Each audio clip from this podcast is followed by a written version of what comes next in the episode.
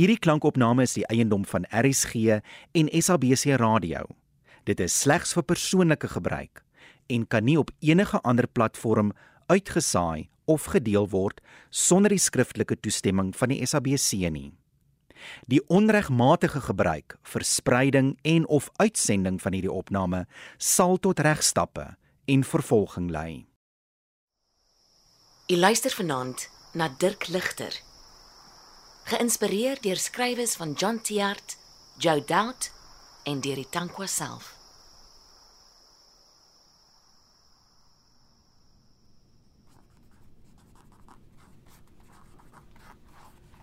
My naam is Joe Douth.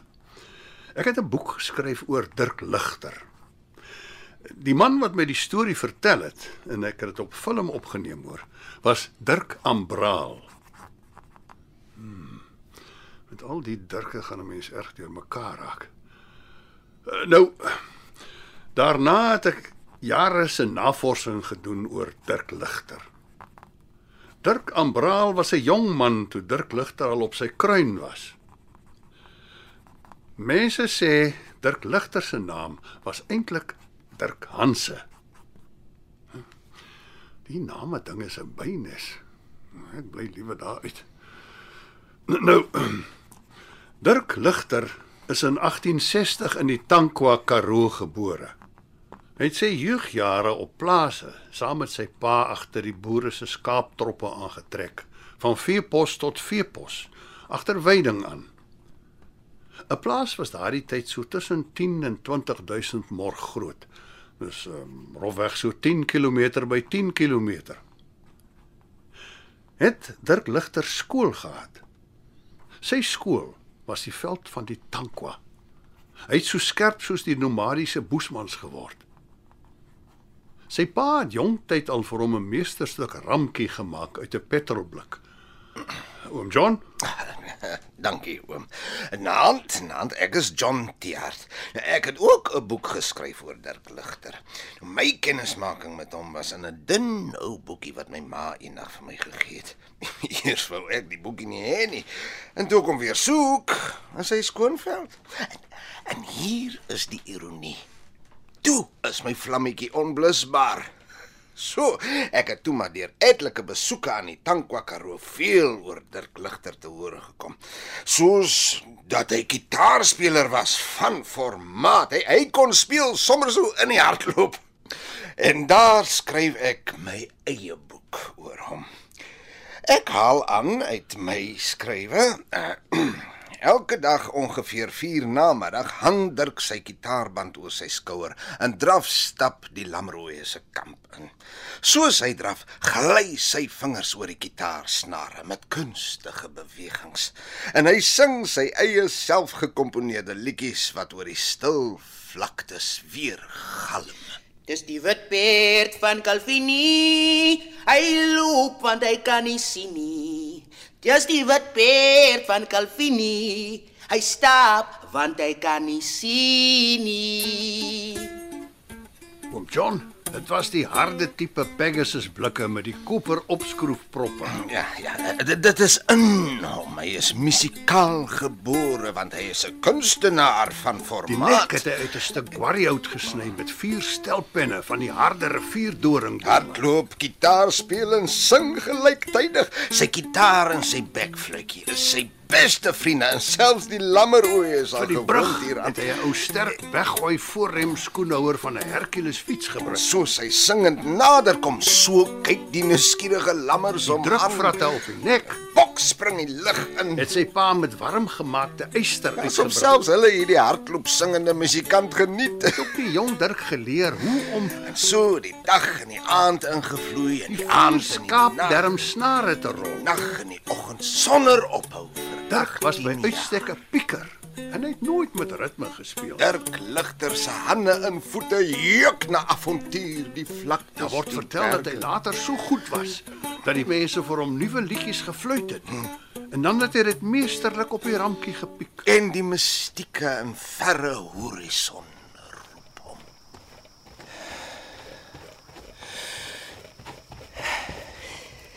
O, oh, ou voetbytjie. Hoe lekker voel jy so onder my voete?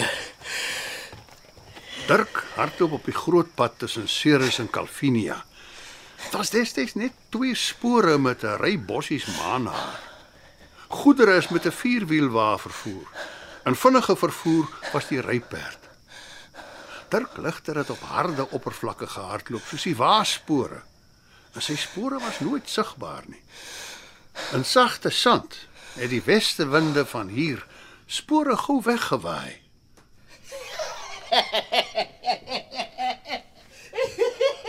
Sy kaskanades op Rietfontein sit mense lekker in die prentjie oor die streek. En oor sy stuitigheid. Nou, een keer slag hy by Leeuhaarshof. Nou, as ek sê slag, is dit altyd sonder toestemming. ek sê dit dan nou maar so. Hy steel skaap. Hy slag ander man se vee. En as hy iets dra, is dit te voet. Nou, hy dra die lam Rietfontein toe. Maar Boetie, te voet hier is vrek ver. Rietfontein is 10 myl in daai dae se maat van die skitterypas. En soos die kraai vlieg, so 20 myl van Dirk se klipskerm op Gansfontein. Dis nou weer waar meester Piet Verster se plaasskool was. Ekskuus oom Joe, as ek hier mag inkom. Graag. Hy het nie skool gehad nie. Nou wanneer sou hy skool kon gehad het? Wel, seker uh, net voor hy die Die wat? die meisie hy nonsens droog gemaak oom. Ah, wel, wie's jou bron? Sê oom die verkrachting het nooit gebeur nie. Wat 'n verkrachting. Jy het nou twee stories deur mekaar oom. Nee nee nee, nee. ek het oor talle somers die Tankwa Karoo plat gery en wyd nagevors. Oom het net met die drinker ou Dirk Ambraal gepraat. Hy was maar een van my baie bronne.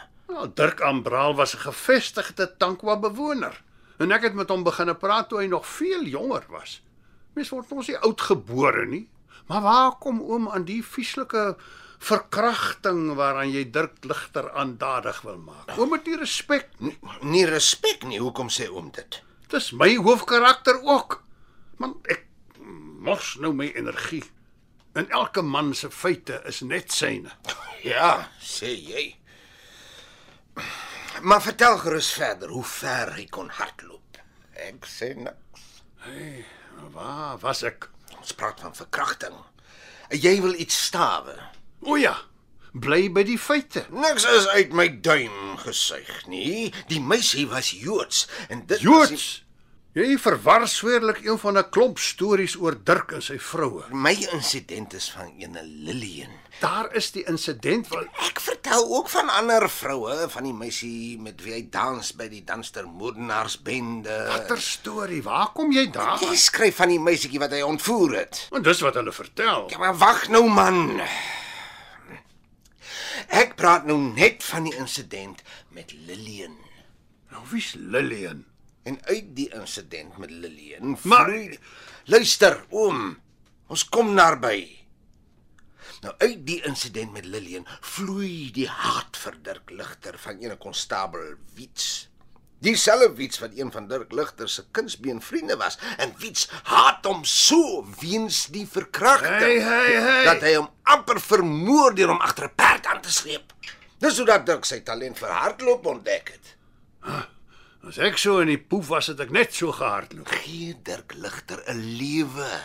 Gee hom 'n familie, 'n geboorte. Dis nie asof ek van hom 'n seksmaniak maak nie en die gebeure was nie deur sy toedoen nie. Dit dis as verkrachting bestempel deur 'n deel van die gemeenskap vanuit die oogpunt van die tyd. Maar dit was nie verkrachting nie. Nes jou ontvoeringsstorie.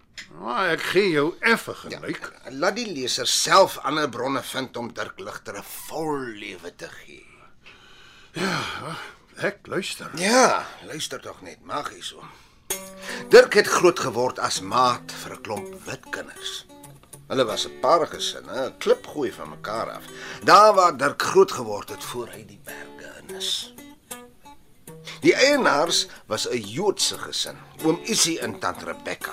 Hulle bywoners was twee boere mense, oom Jaap en sy vrou Mimi.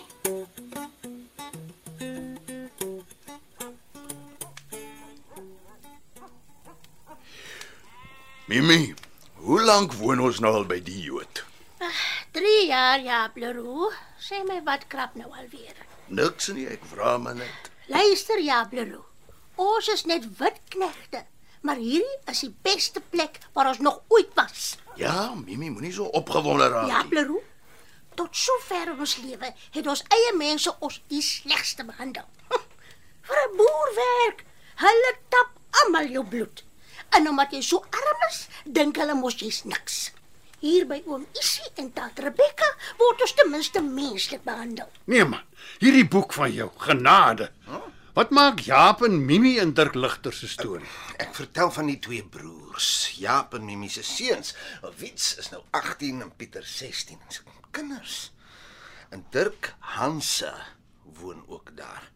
Hy is die arbeiders, die Hanse se kind. Die Jode, die eienaars van die grond se dogter is Lillian. Die kinders is almal vriende. En nou sê jy sien hoe dit gebeur dat Wiets Dirk Ligter se grootste vyand word. Nou, hoekom sê die vrou kort kort Jaap Leroux, Jaap Leroux? Dis dis onnatuurlik. Oom, ek skryf 'n boek, nie 'n drama nie. Dis 'n karaktereienskap. En ek wil uitkom by die feit dat die Jode, Lillian se ouers, Dirk Ligter liberaal akkommodeer. Dis belangrike inligting oor die storie. Ons moet nog uitkom by die feit dat die Jode 'n dogter het, Lillian, wat nie lekker is nie. Jy verwring alles. En ek was nou die dag weer daar tot by die Karoo kroeg. Karoo kroeg. Ja, in die middel van die Tankwa Karoo. Wanneer laas was jy daar? Hm? O, oh, uh, en Ha, jy sien. En toe vertel iemand my, as jy by die skittery pas afry daar by die T-aansluiting met die Ceres Calvinia pad, die langste pad tussen twee dorpe in die land. mooi. Nou daar sit 'n plaashuis reg voor jou. Ja, ek was al daar ook. Daar het mense gewoon wie se dogter se storie dieselfde tragiese storie is as myne. Maar ek dwaal nou af. Maar in daai plaashuis, sy naam is Leonards Vlei, het 'n boer en sy kinders gebly. En daai meisie het ook 'n verhouding gehad met 'n plaaswerker. Die twee stories het niks met mekaar te maak nie. Die tankwa gons oor die oorkleurgrensverhouding wat Dirk gehad het. Dit man, dit maak vir die mooi einde. Luister nou. Ek luister, ek luister. So, op die werf by die Jode en by Wietsele woon die bruin gesin, die Hanses. Hulle seun is Dirk Ligter. Hy is as Hanse op hierdie werf gebore, Dirk Hanse. Maria. Wat sal ons hom noem? Hoe dan nou? Hoe werk jou gedagte? My hart is nou tevrede. Tevrede. Ja. Hoekom al miskien tevrede? Want pa goed se naam was mos ook ouderk en ek is alleenkind. Sê nou maar, hy is ook alleenkind. Dan is die naam tog nog daar. Kyk ou Dirk. Dit is nie 'n gevoel van wie vir wat sê nie. Dit is nou wat ek sê. Ek, Maria Ligter.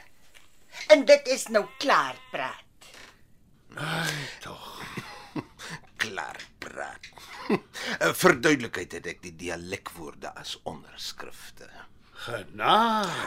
Sê ek man. En kyk, geen leestekens. Dit hardloop maar net so aan. Dit lees lekker so. Wel ou John, hier is 'n stukkie wat lekker lees. So 'n klompie jare later. Maar uh, sit net neer my boek. Sarkasme is die laaste stuiptrekking van 'n verrotte brein.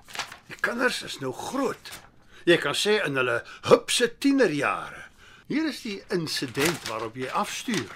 Jy sê Dirk se eie ma het dit sien gebeur. Dit staan hier in jou boek. Sit neer die boek. Nee, hy lees regtig lekker. Kom ons gee dit 'n kans. Dis lekker. Toe John, maak toe jou mond. Hy hang oop, dis brommertyd. Ag, ek vreet brommers, jong. Nou goed, ek lees dit vir jou. Gee doen dit soos nou nou. Gee pad dat die aktrise Dirk se ma Maria agter die mikrofoon inskuif. jy ah, jy wil nie laat ek net die mooi deel lees nie. Jy het ons nou eenmal bederf. Ons luister graag hoe maak die spelers dit wat jy skryf lewendig. Ek lees dan agterna vir julle hoe ek dit geskryf het. Ja, ja goed, dis 'n plan. Mag jy pad nou eers.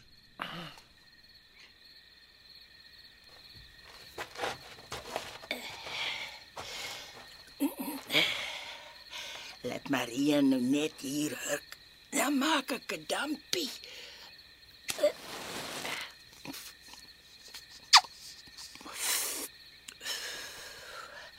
Uh, so sit ek mooi hoe die son water trek.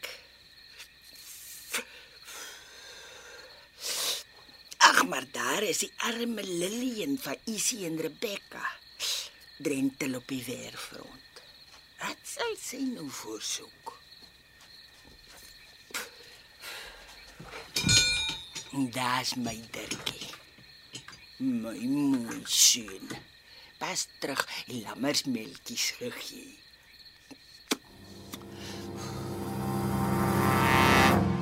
Dirk, Hallo Lillian. gaan dit goed? Dankie. So was jou David en Jonathan? Hoe min jy?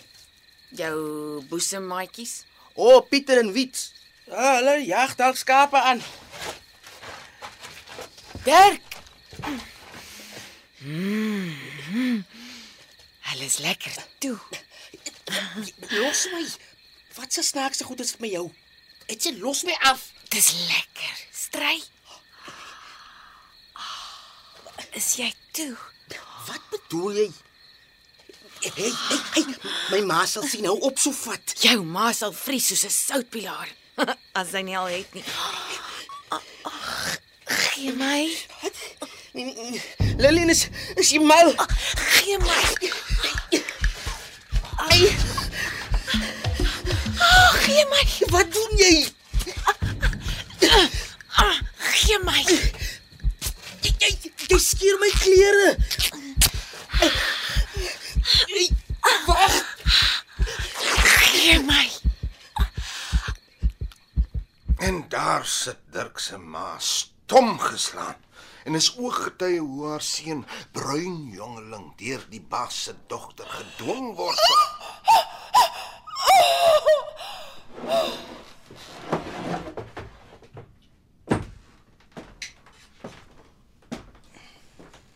Dis goed geskryf. Ah, dat jy nou my blad sal kom skud.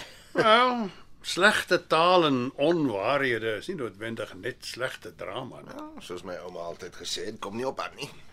Hoe staan dit in jou boek? Lees weer die deel uit jou storieboek toe, net soos jy hom geskryf het. Goed. jy hou al hoe meer af van, hè? Ah, Maria, dis Dirk se ma, stop haar pyp styf en druk die springbok tabak in met haar voorvinger. Sy trek die vuurhoutjie, steek die tabak aan die brand en trek sulke diep skuwe rook dat die dampe so staan. Sy trek die rook diep in haar longe. Ja, okay, Dirk se ma sit en rook. Maar lees later, daar waar die aksie gebeur. O. Oh. Ag, hierso. Toe hy verby die trassiebos kom, spring Lillian van die agterkant van die bos uit. Hy skrik om boeglam. Maar wat is dit nou? My mens, maar dit is mos nou vir jou groot moeilikheid. Oom John skryf die groot so, groot met 'n kappie en 'n sterretjie en 'n verduideliking in die voetnoot onder aan die bladsy. Man, laat my net aangaan. Jy vra dan hoe ek moet lees. Ja, goed. Jammer. Kyk daar. Wat gaan nou aan? sê sy vir haarself. Lillian staan uitdagend oorent met gloeiende lippe en blosende wange. Toe gryp sy hom aan die arm. Maar my mens, sê Maria, Dirk se ma, wat sien my oog nou? Is die witjie mal? Kyk nou daar. Lillian kyk na Dirk met pleitende oë. Lillian haal sy gitaar af, sit dit op die grond neer en trek hom teen haar pulsende borste vas. "Gee my," sê sy. Maria glo nie wat sy sien nie. Sy sê by haarself: "Maar my mens." Onbewus dat sy praat. Lillian druk hom stywer vas en druk hom op die grond. Sy kyk na Dirk, wie se hart woes in hom slaan. Hy is ook jonk en sy bloed jag in hom. Asseblief. Nee, ons mag nie. Asseblief. Lillian, die polisie sal my hang.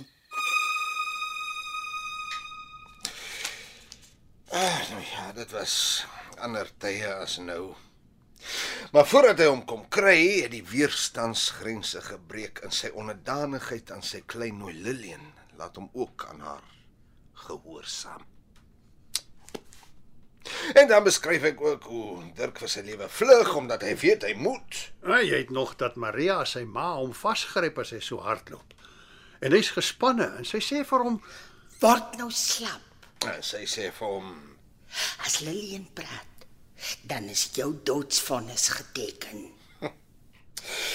"Jou beurt. Iets uit jou boek uit?" Nou, ek kan nie. Die hele boksem daai is nie in my boek nie. Die seksdaad was konsuis Dirk Ligter se doodsvonnis sê jy. Ja, ja, 'n dag of wat voor dit het sy boesemvriend, Wits Leroux, flikkers gegooi by Lillian. Nou dis nie in jou of my boek nie, maar dis ook nie net ons wat oor Dirk Ligter skryf nie. Ag man, dan sit ons nou nog met jou nuwe lewenaarsplaas feite. Storie wat jy in 'n kroeg gehoor het.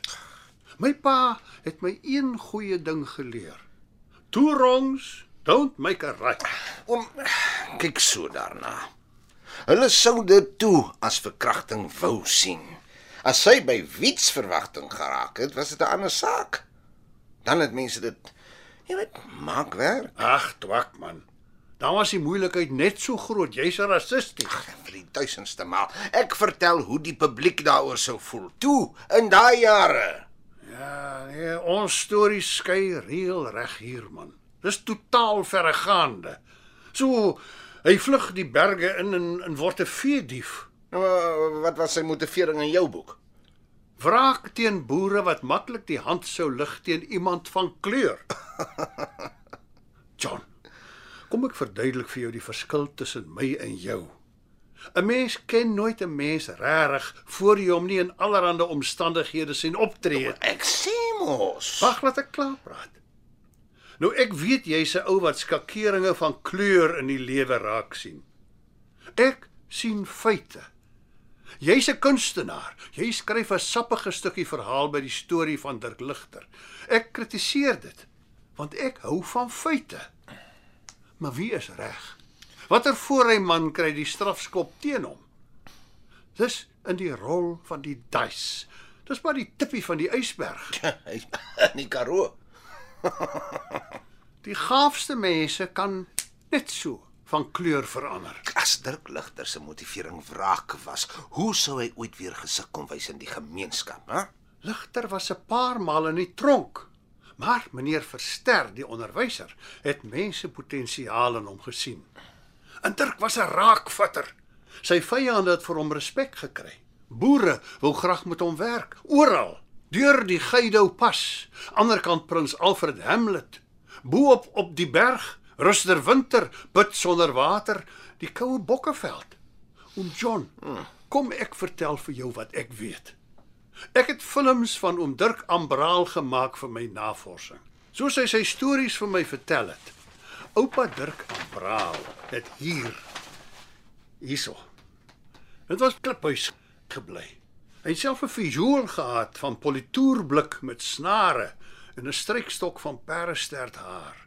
Nou, die wêreld was wyd. Daar bo op die berg is dit myle. Dan gaan jy deur die Moerse rivier, die Rietrivier. En dan klim jy die Katbakkiespas. Die pas kronkel en hy's nou. En daai dae moes jy iemand vooruitstuur om te loop kyk. Twee karretjies kon nie by mekaar verby daar uit nie. Ja, ja, ja, ek kan dit onthou.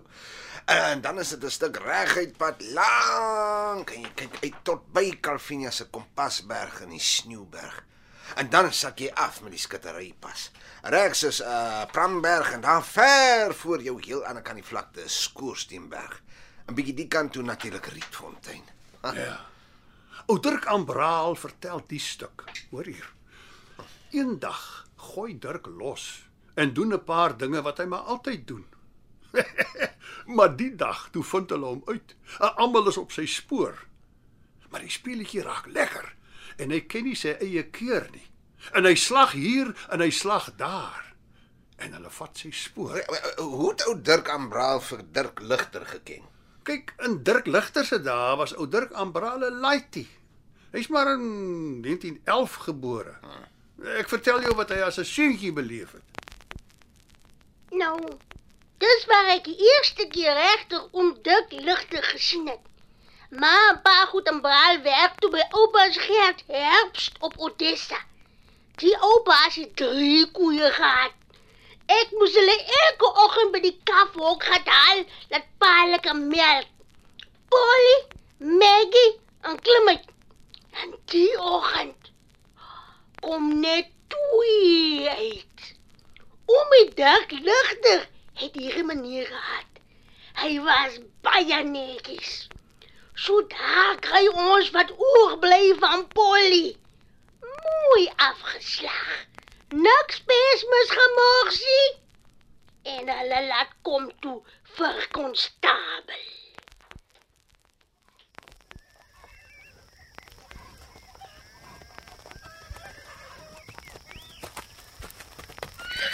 Dis dit. Ja nee, Dirk Ligter. Is dit nou nie verwaand nie? Dis nou van netjies gee dat hy die vel en alles so netjies op 'n hoopie daar los. Die boere, hulle het meer van hom gehou as wat hulle nie van hom gehou het nie. Hy adverteer skoon as hy. Hulle het gesê hy is fliks en slim. Boere en oomie Dirk het mekaar nogals gelyk. Maar mag, melkkoeie is mos nie verslag nie. O, oh, maar hulle sê as 'n boer moet hom of met een van sy volksgenote om beskof was. Dis donder se melkkoeie man. O, Nou ja, ons kry versterkings. Kommandeer die boere op. Die donder is natuurlik Rietfontein. Almal die kwaai mense is op peer. Dis boere en polisie. En almal sit af Rietfontein toe. Die aan.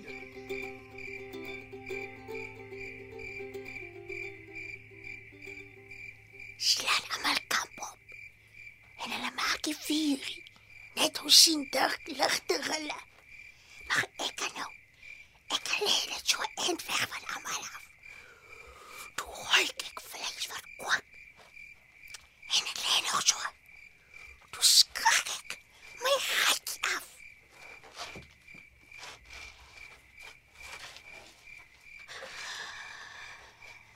Vandaar leun iemand oor my. Niemand anders as die einste oompie dak nagter. Kom. Ek kom oompie, ek kom. Ek stap toe saam. En daar so vuurtjie. 'n Blik met water. En binne-aan kwak Polly. Die melkkoe se een blad. Oompie. Hulle gaan die vuur sien en die vleis ruik. Nee, wat kleintjie. Ek is wind af. En die boere is so moeg van die wyn, hulle sal slaap. Ja, oompie. Nou ja. Kry vir jou soveel vleis soos jou hart begeer. En dan slaap jy mooi. Dis veilig. Ek slaap elke aand net mooi by julle. Kom. Kom.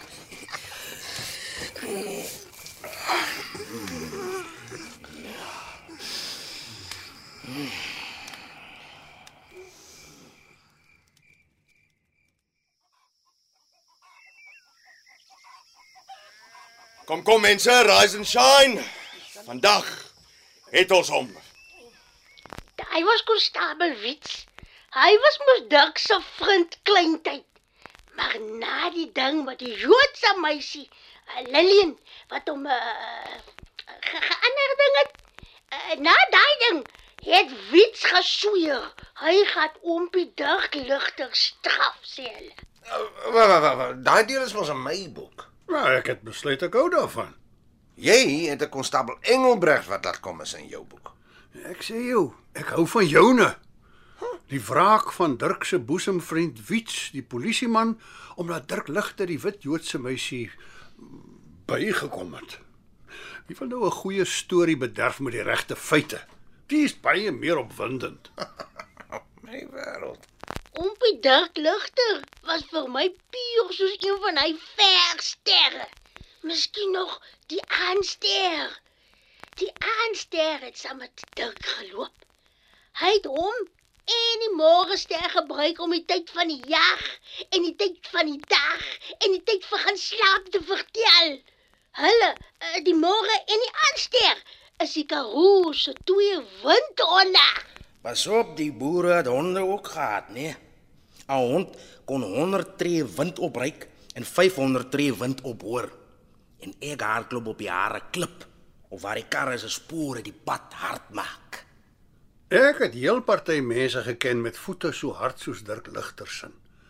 Jy kon 'n 'n 50 sent in die krake in sy sole indruk. So, die ompie was 'n legende. Harde voete en al, plannetjies en al, wat hard kon werk en al, met sy geliefde geagtheid en al. Maar dan het die ompie weer so 'n steeksmanier gehad. Nou moet jy voorbly na die melkkoe se stiel. Wys hy natuurlik die spoorsnyer se volgende stop as baas Jan Snyman. Mense, ons sal vanaand diskant onverwag slaap. Dan kan oom Jan Snyman op onverwag môreoggend vir ons ietsie voorsit vir breakfast. En die boere en polisie te saamtrekkie vir hom dig vas. En toe die klomp boere daar aankom, is die tankwa Karoo die in 'n rep behoor. Van daar is toe alweer skade. Manne, julle sal nie glo nie. Hy het vragtig Jan Snyman se eenhandslam gegaps en geslag. Ek maak die donder dood. Nou het ons die honde op sy spoor. Ag, hy's konstabel met die honde vashou. Kry hulle Dirk Ligter nou vreet hulle die arme slingel huitjie en muitjie op. Gaan julle boerboele. Kry daai kansvatter, kastige legende, Robin Hood, vrouvermaker, gitaarslaer. Maar wat gebeur nou. Gaan honde. Volg hom Jakkals. Volg hom Asias. Ryk. Damn it. Gaan volg Dirk Ligter. Honde. Kom. Slag dan. Maar hoeveel hy ook al poor en skroe, daai honde wil niks weet nie. Doekvoet. Wat wat nou? Doekvoet se kind, Tom John. Oh, smaak my jy's nou by 'n ander storie. Nee nee nee, ons kan nou aangaan by die honde wat hierdie reek wil volg. Ek vertel jou eers gou 'n ander lekker storie. en dit lei tot die danstermoordenaars. Jy's nog aan die vlug voor die konstabel uit. Ja, ja, gee my net 'n wyle.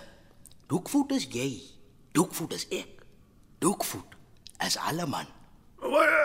Jy's nou by my boek. Doekvoet is in my boek. Doekvoet is dalk ek. Uh, wel, die danstermoordenaars is deel van my storie. Ja, ja, dis mes hier daar sê. Ons is maar almal verwief. Nee, nee, nee, nee, nee, nee. Hier vlieg nou feite gladste los wegrol. Ja, Dit is 'n lewensverhaal. Jy wil dit beperk tot 'n dokumentêr. Maar Doekvoet is belangrik. Jy wil net jou eie skepinge bysleep. Uh, mense asseblief. Die storie is oor my. Ek hou daarvan hoe julle my uit my eie storie ignoreer.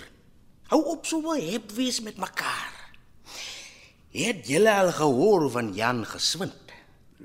Ja, Jan Swart? ja. Ag kom nou meneer die skrywer. Moet ek nou die hele tyd my eie storie vertel? In my boek vertel ek van Jan Swart, Jan Geswind en Doekvoet. En sy toertjies onder die boere was nog meer vergesog as u sin, meneer Ligter. Dis onmoontlik. Ver, vertel een. Jy suig dit uit jou duime.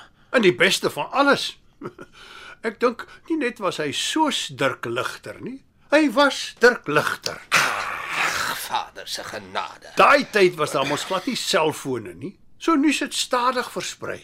Maar die riemtelegramme dit so. Elke keer as die geswind swart en doekvoet legende los was daar om Calvinia, was Dirk Ligter doodstil in die wydheid van die Tankwa Karoo. Uh, So jy sê nou Dirk Ligter self was doekvoet. Die Calvinia klop. Jan geswind doekvoet Jan Swart. Die Jan Swartsberge is na hom vernoem. Toe nou John. Daar's nou vir jou 'n grenslose realiteit waarvan jy altyd praat. So so wat julle sê in 'n neutedop is dat daar was verder noord 'n doekvoet wat Jan Swart is, wat ook Jan Geswind is, wat Dirk Ligter is. Ander bronne sê sy van was nie eers ligter nie. Hy het homself ligter genoem oor hy so kon hol. Ja, sy van was Hanse. Klink my ons praat van dieselfde man. OK, OK. Nou, die triek was die die honde wat so vassteek. Het ek by Doekvoet geleer. Julle bly afdwaal. Ons was laas by die honde op my spoor. Die honde skielik die kluts kwyt. Hulle gedra hulle asof die spore getoer is. Hulle trek terug soos besete diere. Nou luister hierna. By Klipkraal se hek is daar skielik twee rye spore. Reg langs mekaar asof 'n mens uit die hemel neergedaal en verder saam met Dirk geloop het. Dis toordery. Al die spoorsnyers gee pad net daar en dis nie al nie. Nou wat die hel gaan hier aan? En die hysteriese meisie? Jy wat freaking spook! Konstabel, vertel my, hoekom loop twee rye spore so toe en dan hou hulle net op?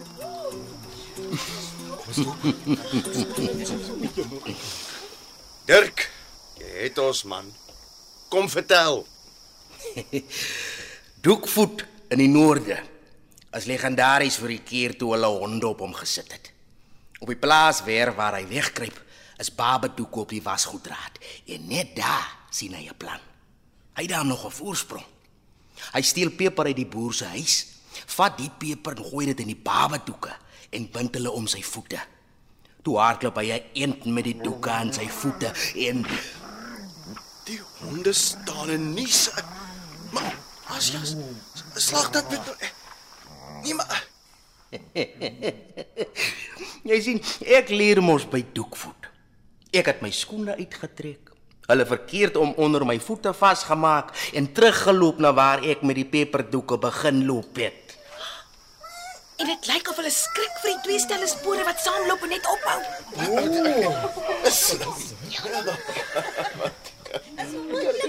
So dit is jy.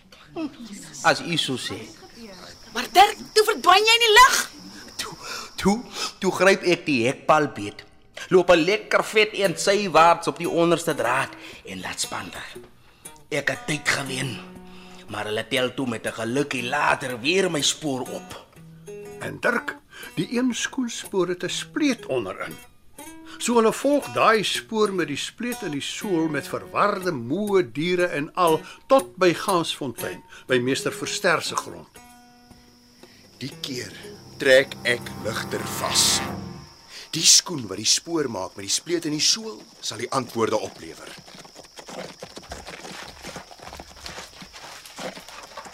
Ah, meester Verster. Ah, goeienaand konstabel. Ah, goeienaand skoolmeester. En wat bring julle hierheen? 'n Koppie koffie? Skoolmeester, vergeef as ek met die deur in die huis val, maar ek is al byna 3 dae in die veld. Die perde is op, die honde is op, soveel so dat ek ek kan staan om hulle te verloor. Konstabel eerlik skoons deur die blare. Sit. Nee, sit. Hier is oorstuurs. Julle almal lyk oorstuurs. Dan moet jy die honde hier stoor en laat haal met 'n karretjie en dan kan ek Dis Dirk Ligter skoolmeester. Al die boere se kom. Ek kan nie waarborg vir sy veiligheid as hulle hom in die hande kry nie. Ou Dirk, ag nee. Wat sou hom besiel het? En wat het gebeur? Meester hy het geslag by op die berg 3 dae gelede. Hy's katbakkies pas op, skittery pas af, oor tot op die nek waar hy weer geslag het. Toe oor Rietfontein toe. Hy is ontrent om die wêreld. Die boere van Quarryberg, Swartkop, Groot Kloof, Platte Klip, die Vallei en Soutmanskraal was almal al by tye saam met ons. Julle jag 'n man wat te voet is. Almal is moerig tot by Rietfontein en Driefontein. Wat is dit aan skoon? Hulle sal hom in die ongeluksrivier versyp as hulle hom kry. Aan die sand. Daai loop is krokdroog. Dis nie snaaks nie, meester. Hulle is woedend. In 'n plaasdam, enige plek. Konstabel, konstabel, asseblief tog asem. As jy aan jou gevoel dit sal maak, kan ons hier agter kyk. Maar ek kan jou verseker, Dirk Ligter pas al heel week my troppies op. Onmoontlik. Ek moet hom ek moet hom self sien asseblief. Nou volg my. Maar dis 'n entjie.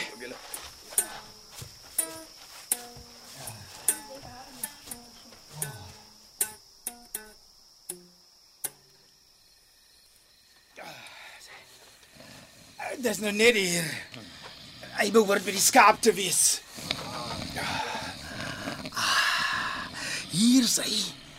Hy dit salig op sy karos. Dirk, word wakker dan. Maar. Oh nee, nee, nee meneer, wakker is ek. As ek wakker ek. Anders so nie hoe sal die jakkals er nou hier wegbly. Staan op. Wys my jou voete. As ek al miskien so op konstabel se skouer kon druk. Nee man, staan self. Waar's jou skoene? Maar Dirk, wa- wat se smoggerige skoene kom nou daar onder hy karos uit? Jy moenie daai pragtige skoene in die veld dra nie. Ag, is net 'n paar wippertal vellies hier. En hulle wil ek nog trou. Ai ai ai ai ai. Ja, kom aan mense. Dis nie die man nie. Nee, my wees ja.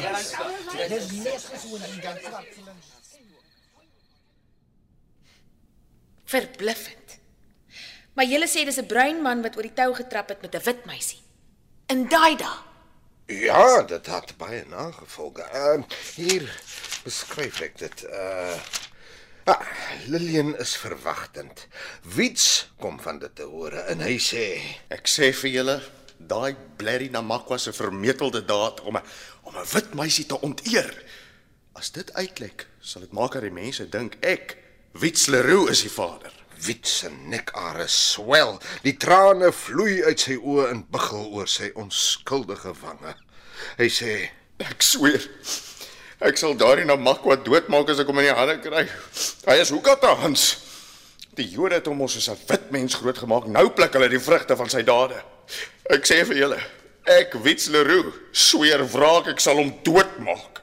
En vandat hy van die erf by Jood se winkel by sy maale gevlug het, het hy 'n weerstand teen alle boere opgebou.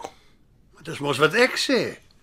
Hy tree op teen boere wat slegte dinge doen in sy oë. Maar goed, ons sê dan dieselfde ding op verskillende maniere. Man, dinge was seker maar daai tyd anders, soos jy beweer. Ja, vroeë 1900s natuurlik. En mense sien hom nooit want hy leef in die natuur en hy vang in die natuur. Hy steel ver van die plaashuise af.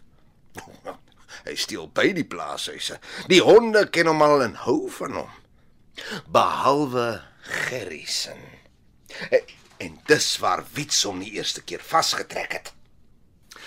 Een aand slagdirk by Kleinvlei.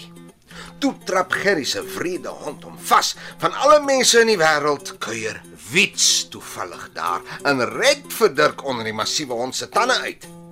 Maar hier is Wiets se kans op wraak. 4 uur die môre draf Dirk ligvoets langs Wiets se perd magistraat toe. En Wiets tree op, betrap Dirk as sprus onverhoeds in die perd pluk Dirk van sy voete af.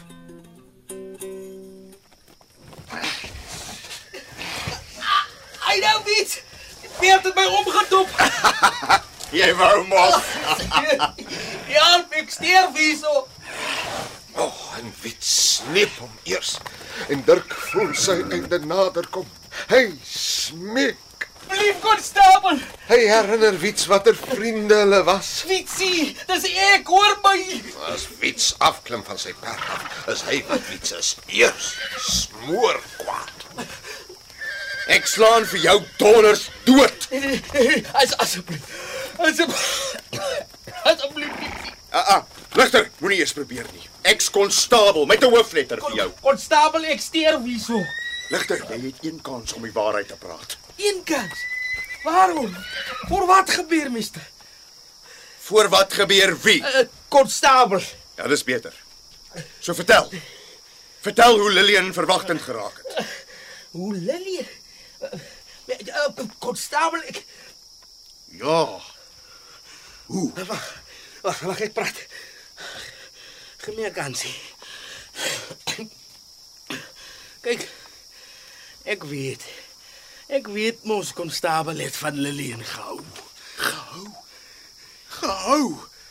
Sy was my alles van van kleintyd af jou bliksem.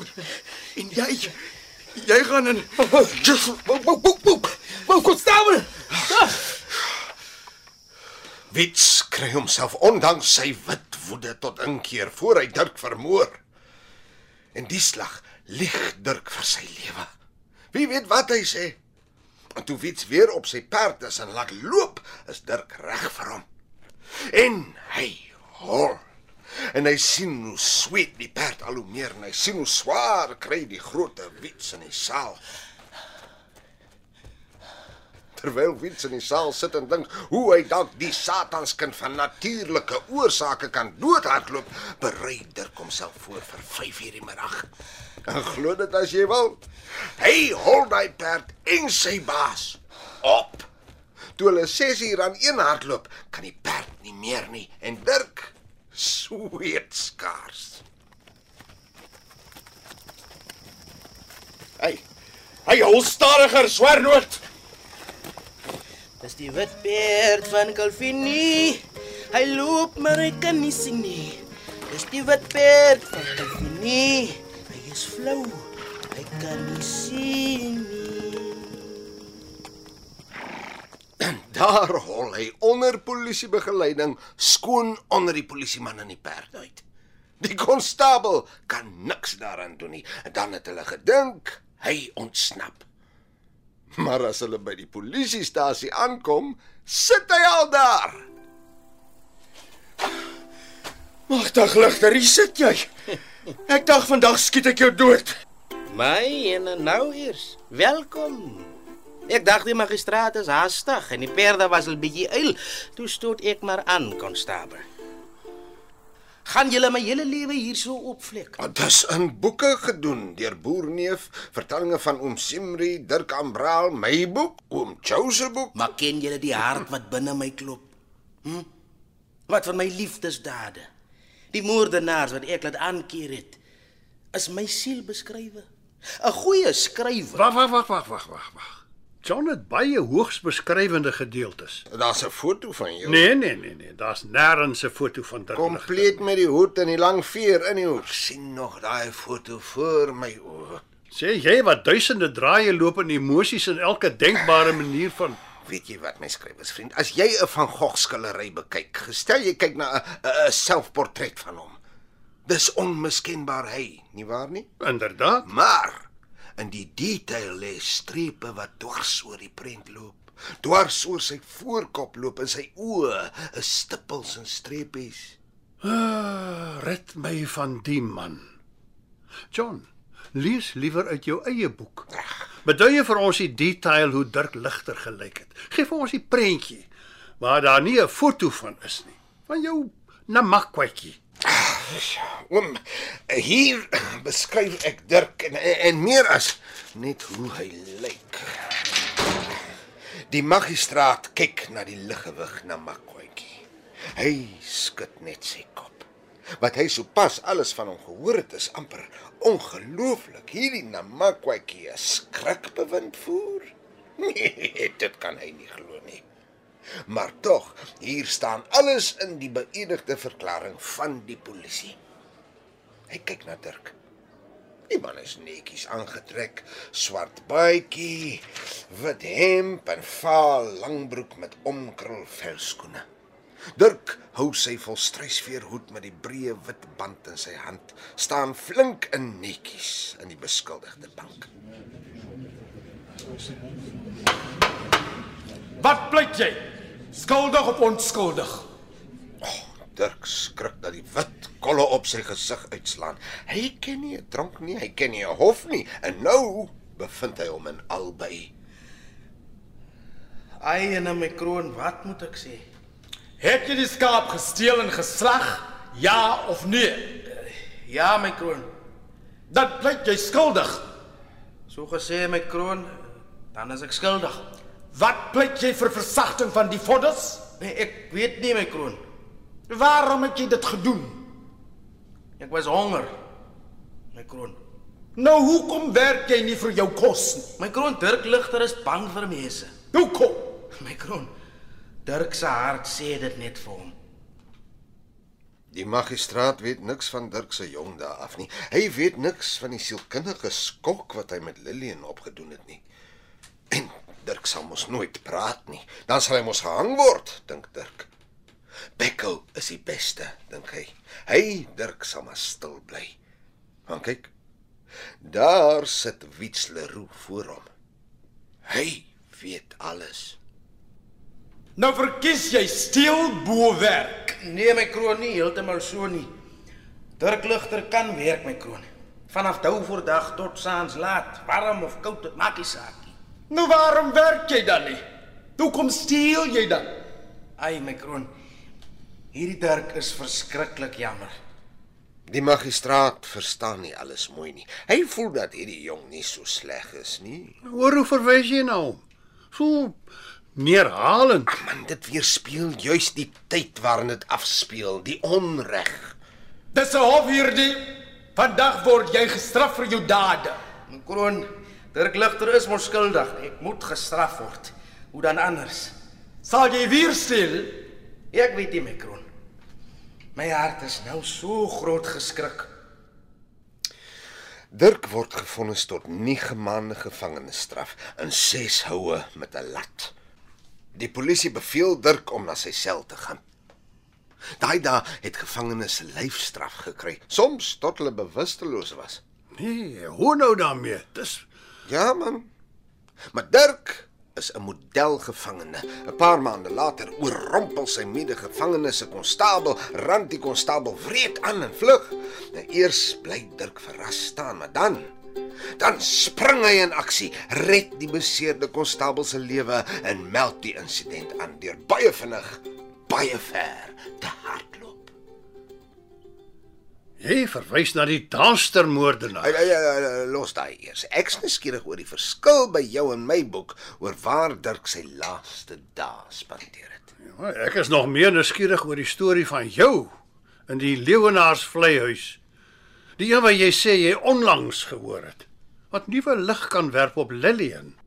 Jy sê mos, want dinge staan nie stil nie. Die storie is nie oor Dirk en Lillian nie. Ek sê dis 'n soortgelyke storie. Ja, en dit gebeur elders. Maar vertel in elk geval, jy's mos die een vir regte drama. Dit is 'n parallel. Soos 'n fabel. Dis oor rasisme. Politiek. Nee, menslikheid. Insig, alles is nie net politiek nie. Nou, ek sê mos nou. Vertel. Wel, jy sal hoor daar is ooreenkomste. Wel, ek is die ene ore. Oom, ek sê jou wat. Ek plaas die storie oor na Lillian se ouers toe. Na hulle werk toe, asof dit by hulle afgespeel het. Hoekom nou? Want dan illustreer ek dit makliker, asof dit Dirk Ligter en Lillian se eie storie is, nie 'n 'n 'n fabel nie. Gaaf. Dit kan interessant wees. Ja, onthou nou, vroeër het ons al Dirk se ouers, Maria en Pa Hans se hoor praat, né? En toe Wiets en Pieter se ouers, Jaap en Mimi. Nou ons verplaas die storie na die Joodse meisie Lillian se ouers, Isie en Rebecca, die eienaars van die werf. Izzy,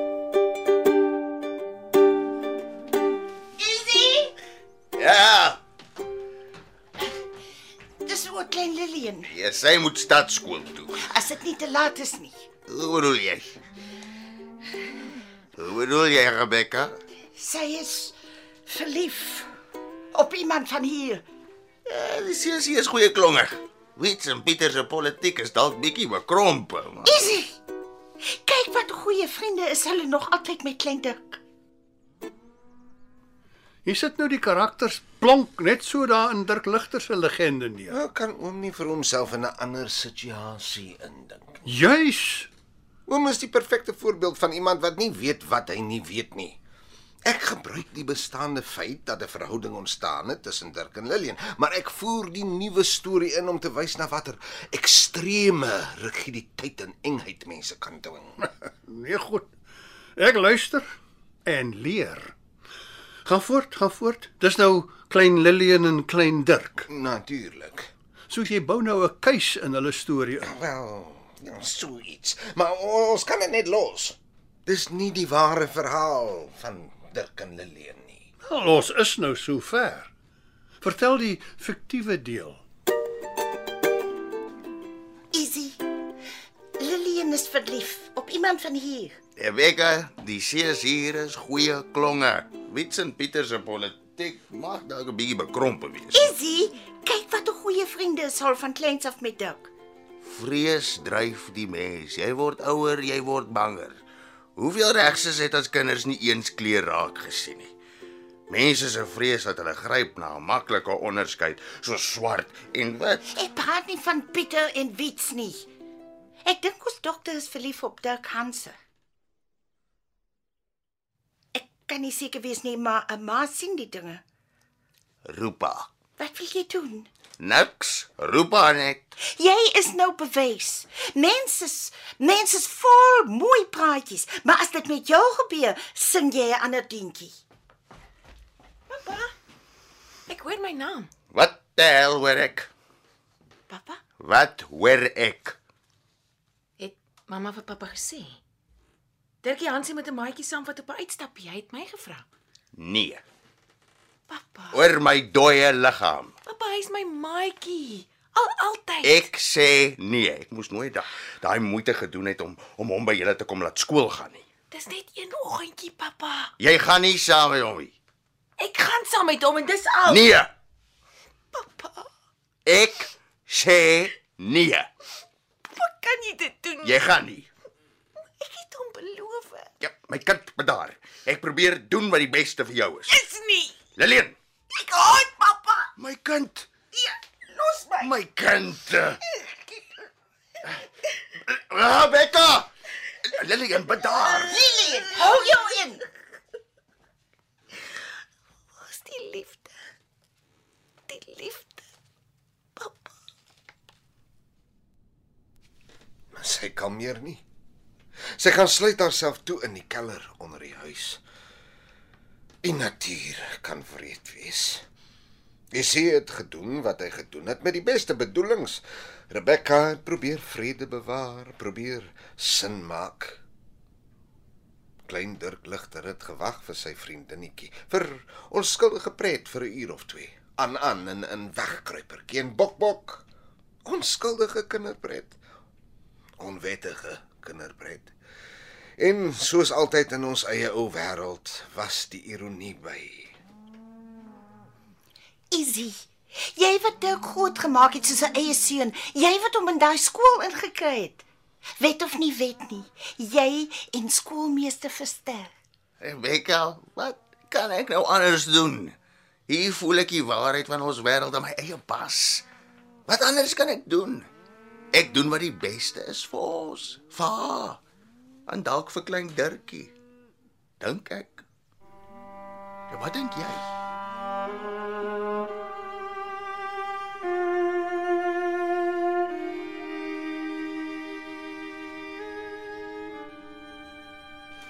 Maar dit werk toe uit soos dit moes. Soos niemand op aarde dit sou wou hê nie. Soos van die grootste tragedies in die wêreld al net so moes wees soos hulle was. Hierdie keer was dit soos die meeste werklike tragedies nie vir die wêreld om te sien nie. Nee, dit was hier op 'n beskeie stukkie grond op 'n afgeleë lap aarde, eenkant van alles, beeldskoon in sy eenvoud waar klein Lillian toe die bottels en bottels en bottels gif wat vir ondiere en wat dies meer gebruik is in die kelder ontdek. 'n Ondier sou kon getuig as hulle kon praat. So dood is wreed, maar vinnig. Sy was 'n blom wat weg was, my klein maatjie. En skielik, onverwags, verlep en dood in 'n ommesientjie. Spoil dit nou nie jou eie mooi einde nie. Maar onthou nou, ek het jou gesê, dis 'n ander storie van 'n ander plek wat ek ingevoer het om iets te illustreer. Oom kan my nie pak gee oor die weergawe nie. Hè? Nee, John, inteendeel. Nee, die leser moet die die sprong toelaat, sy eie vooroordeel uitdaag. Ek sê inteendeel. Jy kombineer hier twee gegevens uitmuntend. Nee, lieflik man. Ek dink jy tog dit ruïneer my einde. Hm? Die, die leser dink nou Lillian is dood. Maar ek meen, waar kom stories vandaan? Mense vertel dit oor, daar word aangelas, weggelaat. En jy het gewaarsku. Gesê dis net 'n fabel wat sê maar tydelik in jou storie ingelas word. Ja. sit nader, sit nader oom Joe. Ek like jou. Maar ek dink ons moet Dirk Ligter self aan die woord stel. Hm? Niks beter as uit die perd se bek nie. Daai storie van die bende. Hm? Dirk Ligter. Ja, dankie, dankie manne. Laat ons by die essens uitkom en klaar maak. Nou goed. Ek sit die eenslag af na hom Geert, daar by Elandsvlei. Nou op pad na die oom kry ek vir hom Karel en sy wa, sy as mors afgebreek. By hom het hy 'n stuk vol struisvel. So ek haal my knipmes uit en sny sulke diep kepe in die dusselboom. Gelukkig het die dusselboom skuins afgebreek. So ek sit die twee stukke dusselboom teen mekaar. Net soos 'n dokter 'n beenspalk wat skuins gebreek het. En ek vat die stuk gebreide volstruisvel en sny dit in 6 duim breë stroke. Karel. Kom gee bietjie hier 'n hand man. Al te seker Dirk. Dirk en Karel las die gebreekte disselboom met die volstruisvel en draai die sterk blou draad stewig om die ente waar Dirk die kepe gesny het vas. En so kundig en medemenslik help Dirk hom Karel tot by sy plaas. Hy slaap die aand oor en volgende dag is hy by oom Gert soos sy plan was.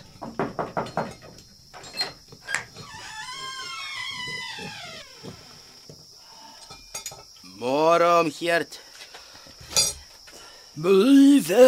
Dirk. Mag eens man, ek het jou skoon geval lang. maar kom binne, ek laat lank 'n kommetjie gehad aan mekaar. En hier speel 'n skrikwekkende ding om af. Oom Gert bied hom toe sommer werk aan. Toe praat hy van al die vier verliese wat lê het en Dirk is dadelik die koppe in. En Iewers daar naby het die dansters gebly.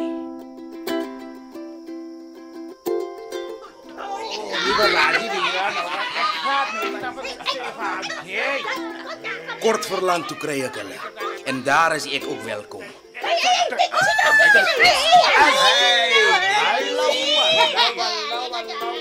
Hulle het almal sulke grand klere aan wat toe vir my sê dat hulle steel.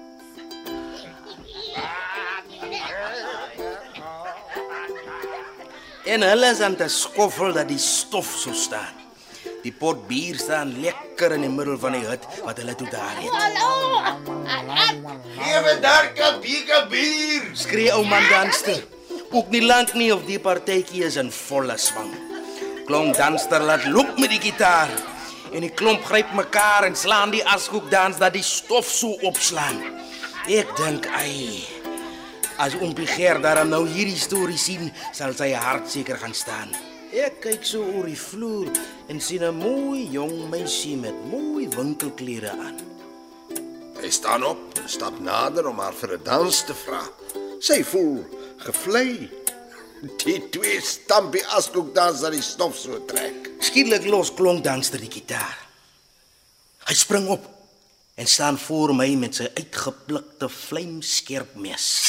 Dirk trek toe ewe vinnig sy mes. Almal ken vir Dirk Ligter. Kom, steek weg jou mes.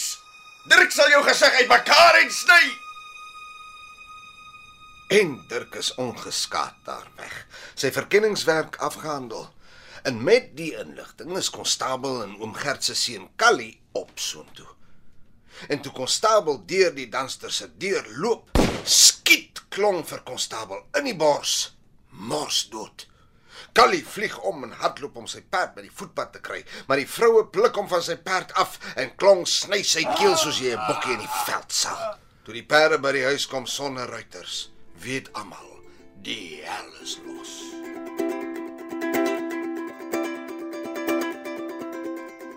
Versterkingsdag op en ek vat hulle met 'n agterpad om, dieper die klowe in. En sien daar, daar is die dansters in dieselfde rigting aan te trek. Toe hulle reg oor die polisie is, klap die skote. Een vrou begin skree soos 'n maar vark. Toe die polisie sersant opspring om te kyk wat aangaan, skiet klong sy roer skoon uit sy greep uit. Nou bloei sersant. Terwyl ek 'n stuk hemp om sersant se arm draai om die bloeding te beheer, verskyn klong agter my. Sersant skree: "Pas op, ligter!" Ek gooi vir sersant sy geweer, swaai om en smyt 'n klip na klong toe. Die klip vang klong tussen sy watchamakolets. Hy het nou al aangelê op ons. En daai breek deel van 'n sekonde vat sersant sy roer vas. Hy was 'n Wala ou man danster geboeid na klong toe neem. Lê hy daar met sy gesig heeltemal weggeskiet. En die res van die verhaal was die tragiese ontdekking van die lyke van konstabel en Callie na deur onder in die skeur. Joe, lees daar onder aan die storie. Geskrywe soos oorvertel aan die skrywer. Dat Callie en die konstabel deur die dansters doodgemaak is, is die waarheid. Is tyd dat ons ophou. Selfs 'n goeie storie sal mense nou al begin verveel. Maar ek wil vir jou dankie sê dat jy so akkommoderend was met my idees, selfs my spel en taalfoute. Maar jou storie is mooi, maar dit is net te veel, te veel inligting, beskrywing, byvoeglike naamwoorde. ek sal die stelling ignoreer. Dit sorteer 'n redigeerder uit. My storieetjies is staaltjies. Waar? Maar net dit. Ek hou nie van die Lillian kind storieetjie nie. Dis tragedie. Oh, oh, dankie dat jy daaraan geluister het na die eksperiment. Maar wat pla? Die fiktiewe einde verwar. Laat daai deel maar aan die kroeg bly. Dis 'n baie mooier einde dat die regte Lillian 'n kind het. Dat Dirk besoek ontvang van die kleinkind, ook Lillian.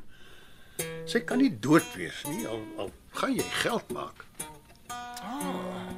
Kom is reg. Skryf hoe die verwagtende Lillian in die Kaap by Oom Solly en Auntie Rachel woon en sterf net na die geboorte van haar en Dirk Ligter se kleintjie. Dis dalk in ieder geval die waarheid. Hmm, dit is. Dit is, dit speel als 'n groenpunt af. Die baba heet ook Lillian en word grootgemaak deur die oom en die auntie. 'n Klein Lillian trou met 'n bruin man, William. Nou maar jy weet, dis Joodse bloed en die eerste van baie Joodse nasate in Groenpunt se wêreld. Ja, makes you think, doesn't it? Nou die twee, William en Lillian, loop haal toe vir Dirk Ligter, haar pa, in sy ou dag om by hulle te kom aftree. En soos die nasate omgekom het, is hulle een vir een begrawe. Daar agter die Somerset Hospitaal in die begrafplaas daar. Ja, as jy mooi luister as jy saans daar in die waterfront loop, kan jy hulle stemme hoor. Al ewig 'n bietjie tekstuur. Oom, jy jy skryf hulle nasate is almal blanke mense. Wel, hulle kinders was lig van kleur. Oom, sal ek vertel van die noue ontkoming toe hy 'n boodskapper of posafleweraar was met Basjan die pragperd en toe hulle amper verdrink het en en hy die perd gered het daar in die Olifantsrivier en die amper se luiperd aanval. O, oh, daar's baie mooi dinge. O, oh, 'n mens kan asem toe. Dirk het baie noue ontkomings gehad in my boekie ook. Maar ek volstaan met die legende van Jan Swart of Jan Thomas of Jan Geswind wat 'n perd kon flou hardloop, 'n liefde-haat verhouding met die boere gehad het. Die volk het hom as bo menslik beskou. Hulle dog hy is gepaljas. Dis ook die rede hoekom hom min teëgegaan het. Ene PG Tron skryf destyds vir my: "Die man sou op die plaas opdaag as hy eienaar kerk toe is, en dan sal hy 'n kledingstuk, vuurhoutjies, sulke goed vat, selfs dalk 'n skaapslag. En dan los hy 'n boodskap by die volk. Sê vir hom Jan Swart, ek het 'n skaapie geslag. En hy voeg by: En ek wil nie hoor julle werkie goed vir die oom en pas nie sy vee goed op nie. Hoor julle? En dan sy skoenveld vir maande. Dalk kan gaan se ander distrik in. Een keer lê 'n klomp boere om voor, daar by die Kuens, is familie van die skrywer Mikro. Een boer lê heeldag in sy skuilings, gereed om Jan Swart dood te skiet as hy die legendariese veedief sou gewaar. Hy staan op en versit 'n paar tree om water af te slaan. Toe hy skoot uit sy eie geweer hoor klap. Ai! En daar is Jan. Of was dit dan nou Dirk Ligter was wat skreeu Sê maar vir die boere ek is hier verby. Ek laat staan die geweer hierso. Slaat jou ma my wragtig op my kop. Maar ek en jou pa saam adop. Al staat ek voor die magistraat. Ek weet jy sal my nooit nie verlaat. en dit boonop 'n rampie met net 4 skaapdermsnare, soos wat ek nog nooit iemand ooit weer hoor piek het nie. Voor sy dood met ou Dirk by oom Andrius Kotse gewoon. Oom Andrius het my vertel hy het Dirk in Kaapstad aan die hospitaal besoek. 'n Paar weke na die besoek is Dirk ligter daar in die hospitaal hantering oorlede. 'n Stil skok het hierdie tankwa getrek.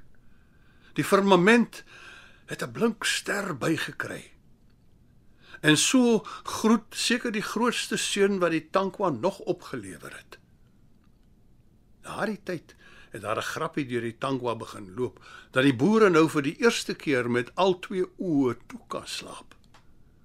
Die droogte van 1933 word vandag nog beskryf as die droogte van die 20ste eeu. Ouas. Ja. Kry ek nou snacks. Altwee van julle antwoord op daai. Oupas. Ah, ek sien vandag se kind nie. Oom is die oudste. ek weet, hy's 'n snuiter. Nee, oom John sê vir oom oom, maar hy is meer as 5 jaar ouer as oom. Nou nou hoekom sê ek vir hom oom? Dis die lewe oom. Want die wêreld is wyd. Ja. Dis die warrelwind wat waai voor die hoenders kraai. Bring dit die reën van ver, dit laat die skape bleer. Akadus simmeltou. Bobbejaan se agterklou. Dis die hond wat die bene kou. Bokkie my kind. Wat is jou antwoord nou? Dit was Dirk Ligter vir die radio verwerk deur Albert Maritz. Die inhoud is geïnspireer deur skrywers van John Tiart en Joe Dowd en die Tankwa self. Pierre Jean Gerber was instrumenteel tot die ontsluiting van die Tankwa. Die rolverdeling was as volg: Die rol van Dirk Ligter is vertolk deur Dean Bali. Joe Dowd was Nick de Jager. John Tiart is gespeel deur Waldemar Schultz. Verster die regter en ander rolle was Rian Visman. Maria Rebecca en oom Gert was Marion Holm. Frida van den Heever was Lillian. Zenobia Kloppers was Mimi en Klein Dirk Ambraal. Wessel Pretorius was oom Jaap, konstabel en ander rolle. Stemmingsmusiek op die randjie is deur Llewellyn Alberts op 'n graafgitaar. Alfred Basson was die pieker en sanger van die liedjie Slat jou ma my op my kop.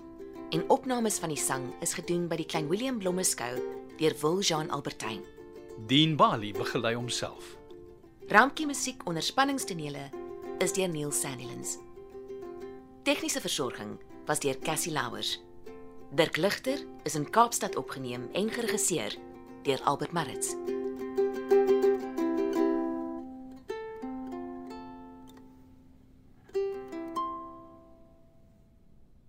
Hierdie klankopname is die eiendom van RSG en SABC Radio. Dit is slegs vir persoonlike gebruik en kan nie op enige ander platform uitgesaai of gedeel word sonder die skriftelike toestemming van die SABC nie. Die onregmatige gebruik, verspreiding en of uitsending van hierdie opname sal tot regstappe en vervolging lei.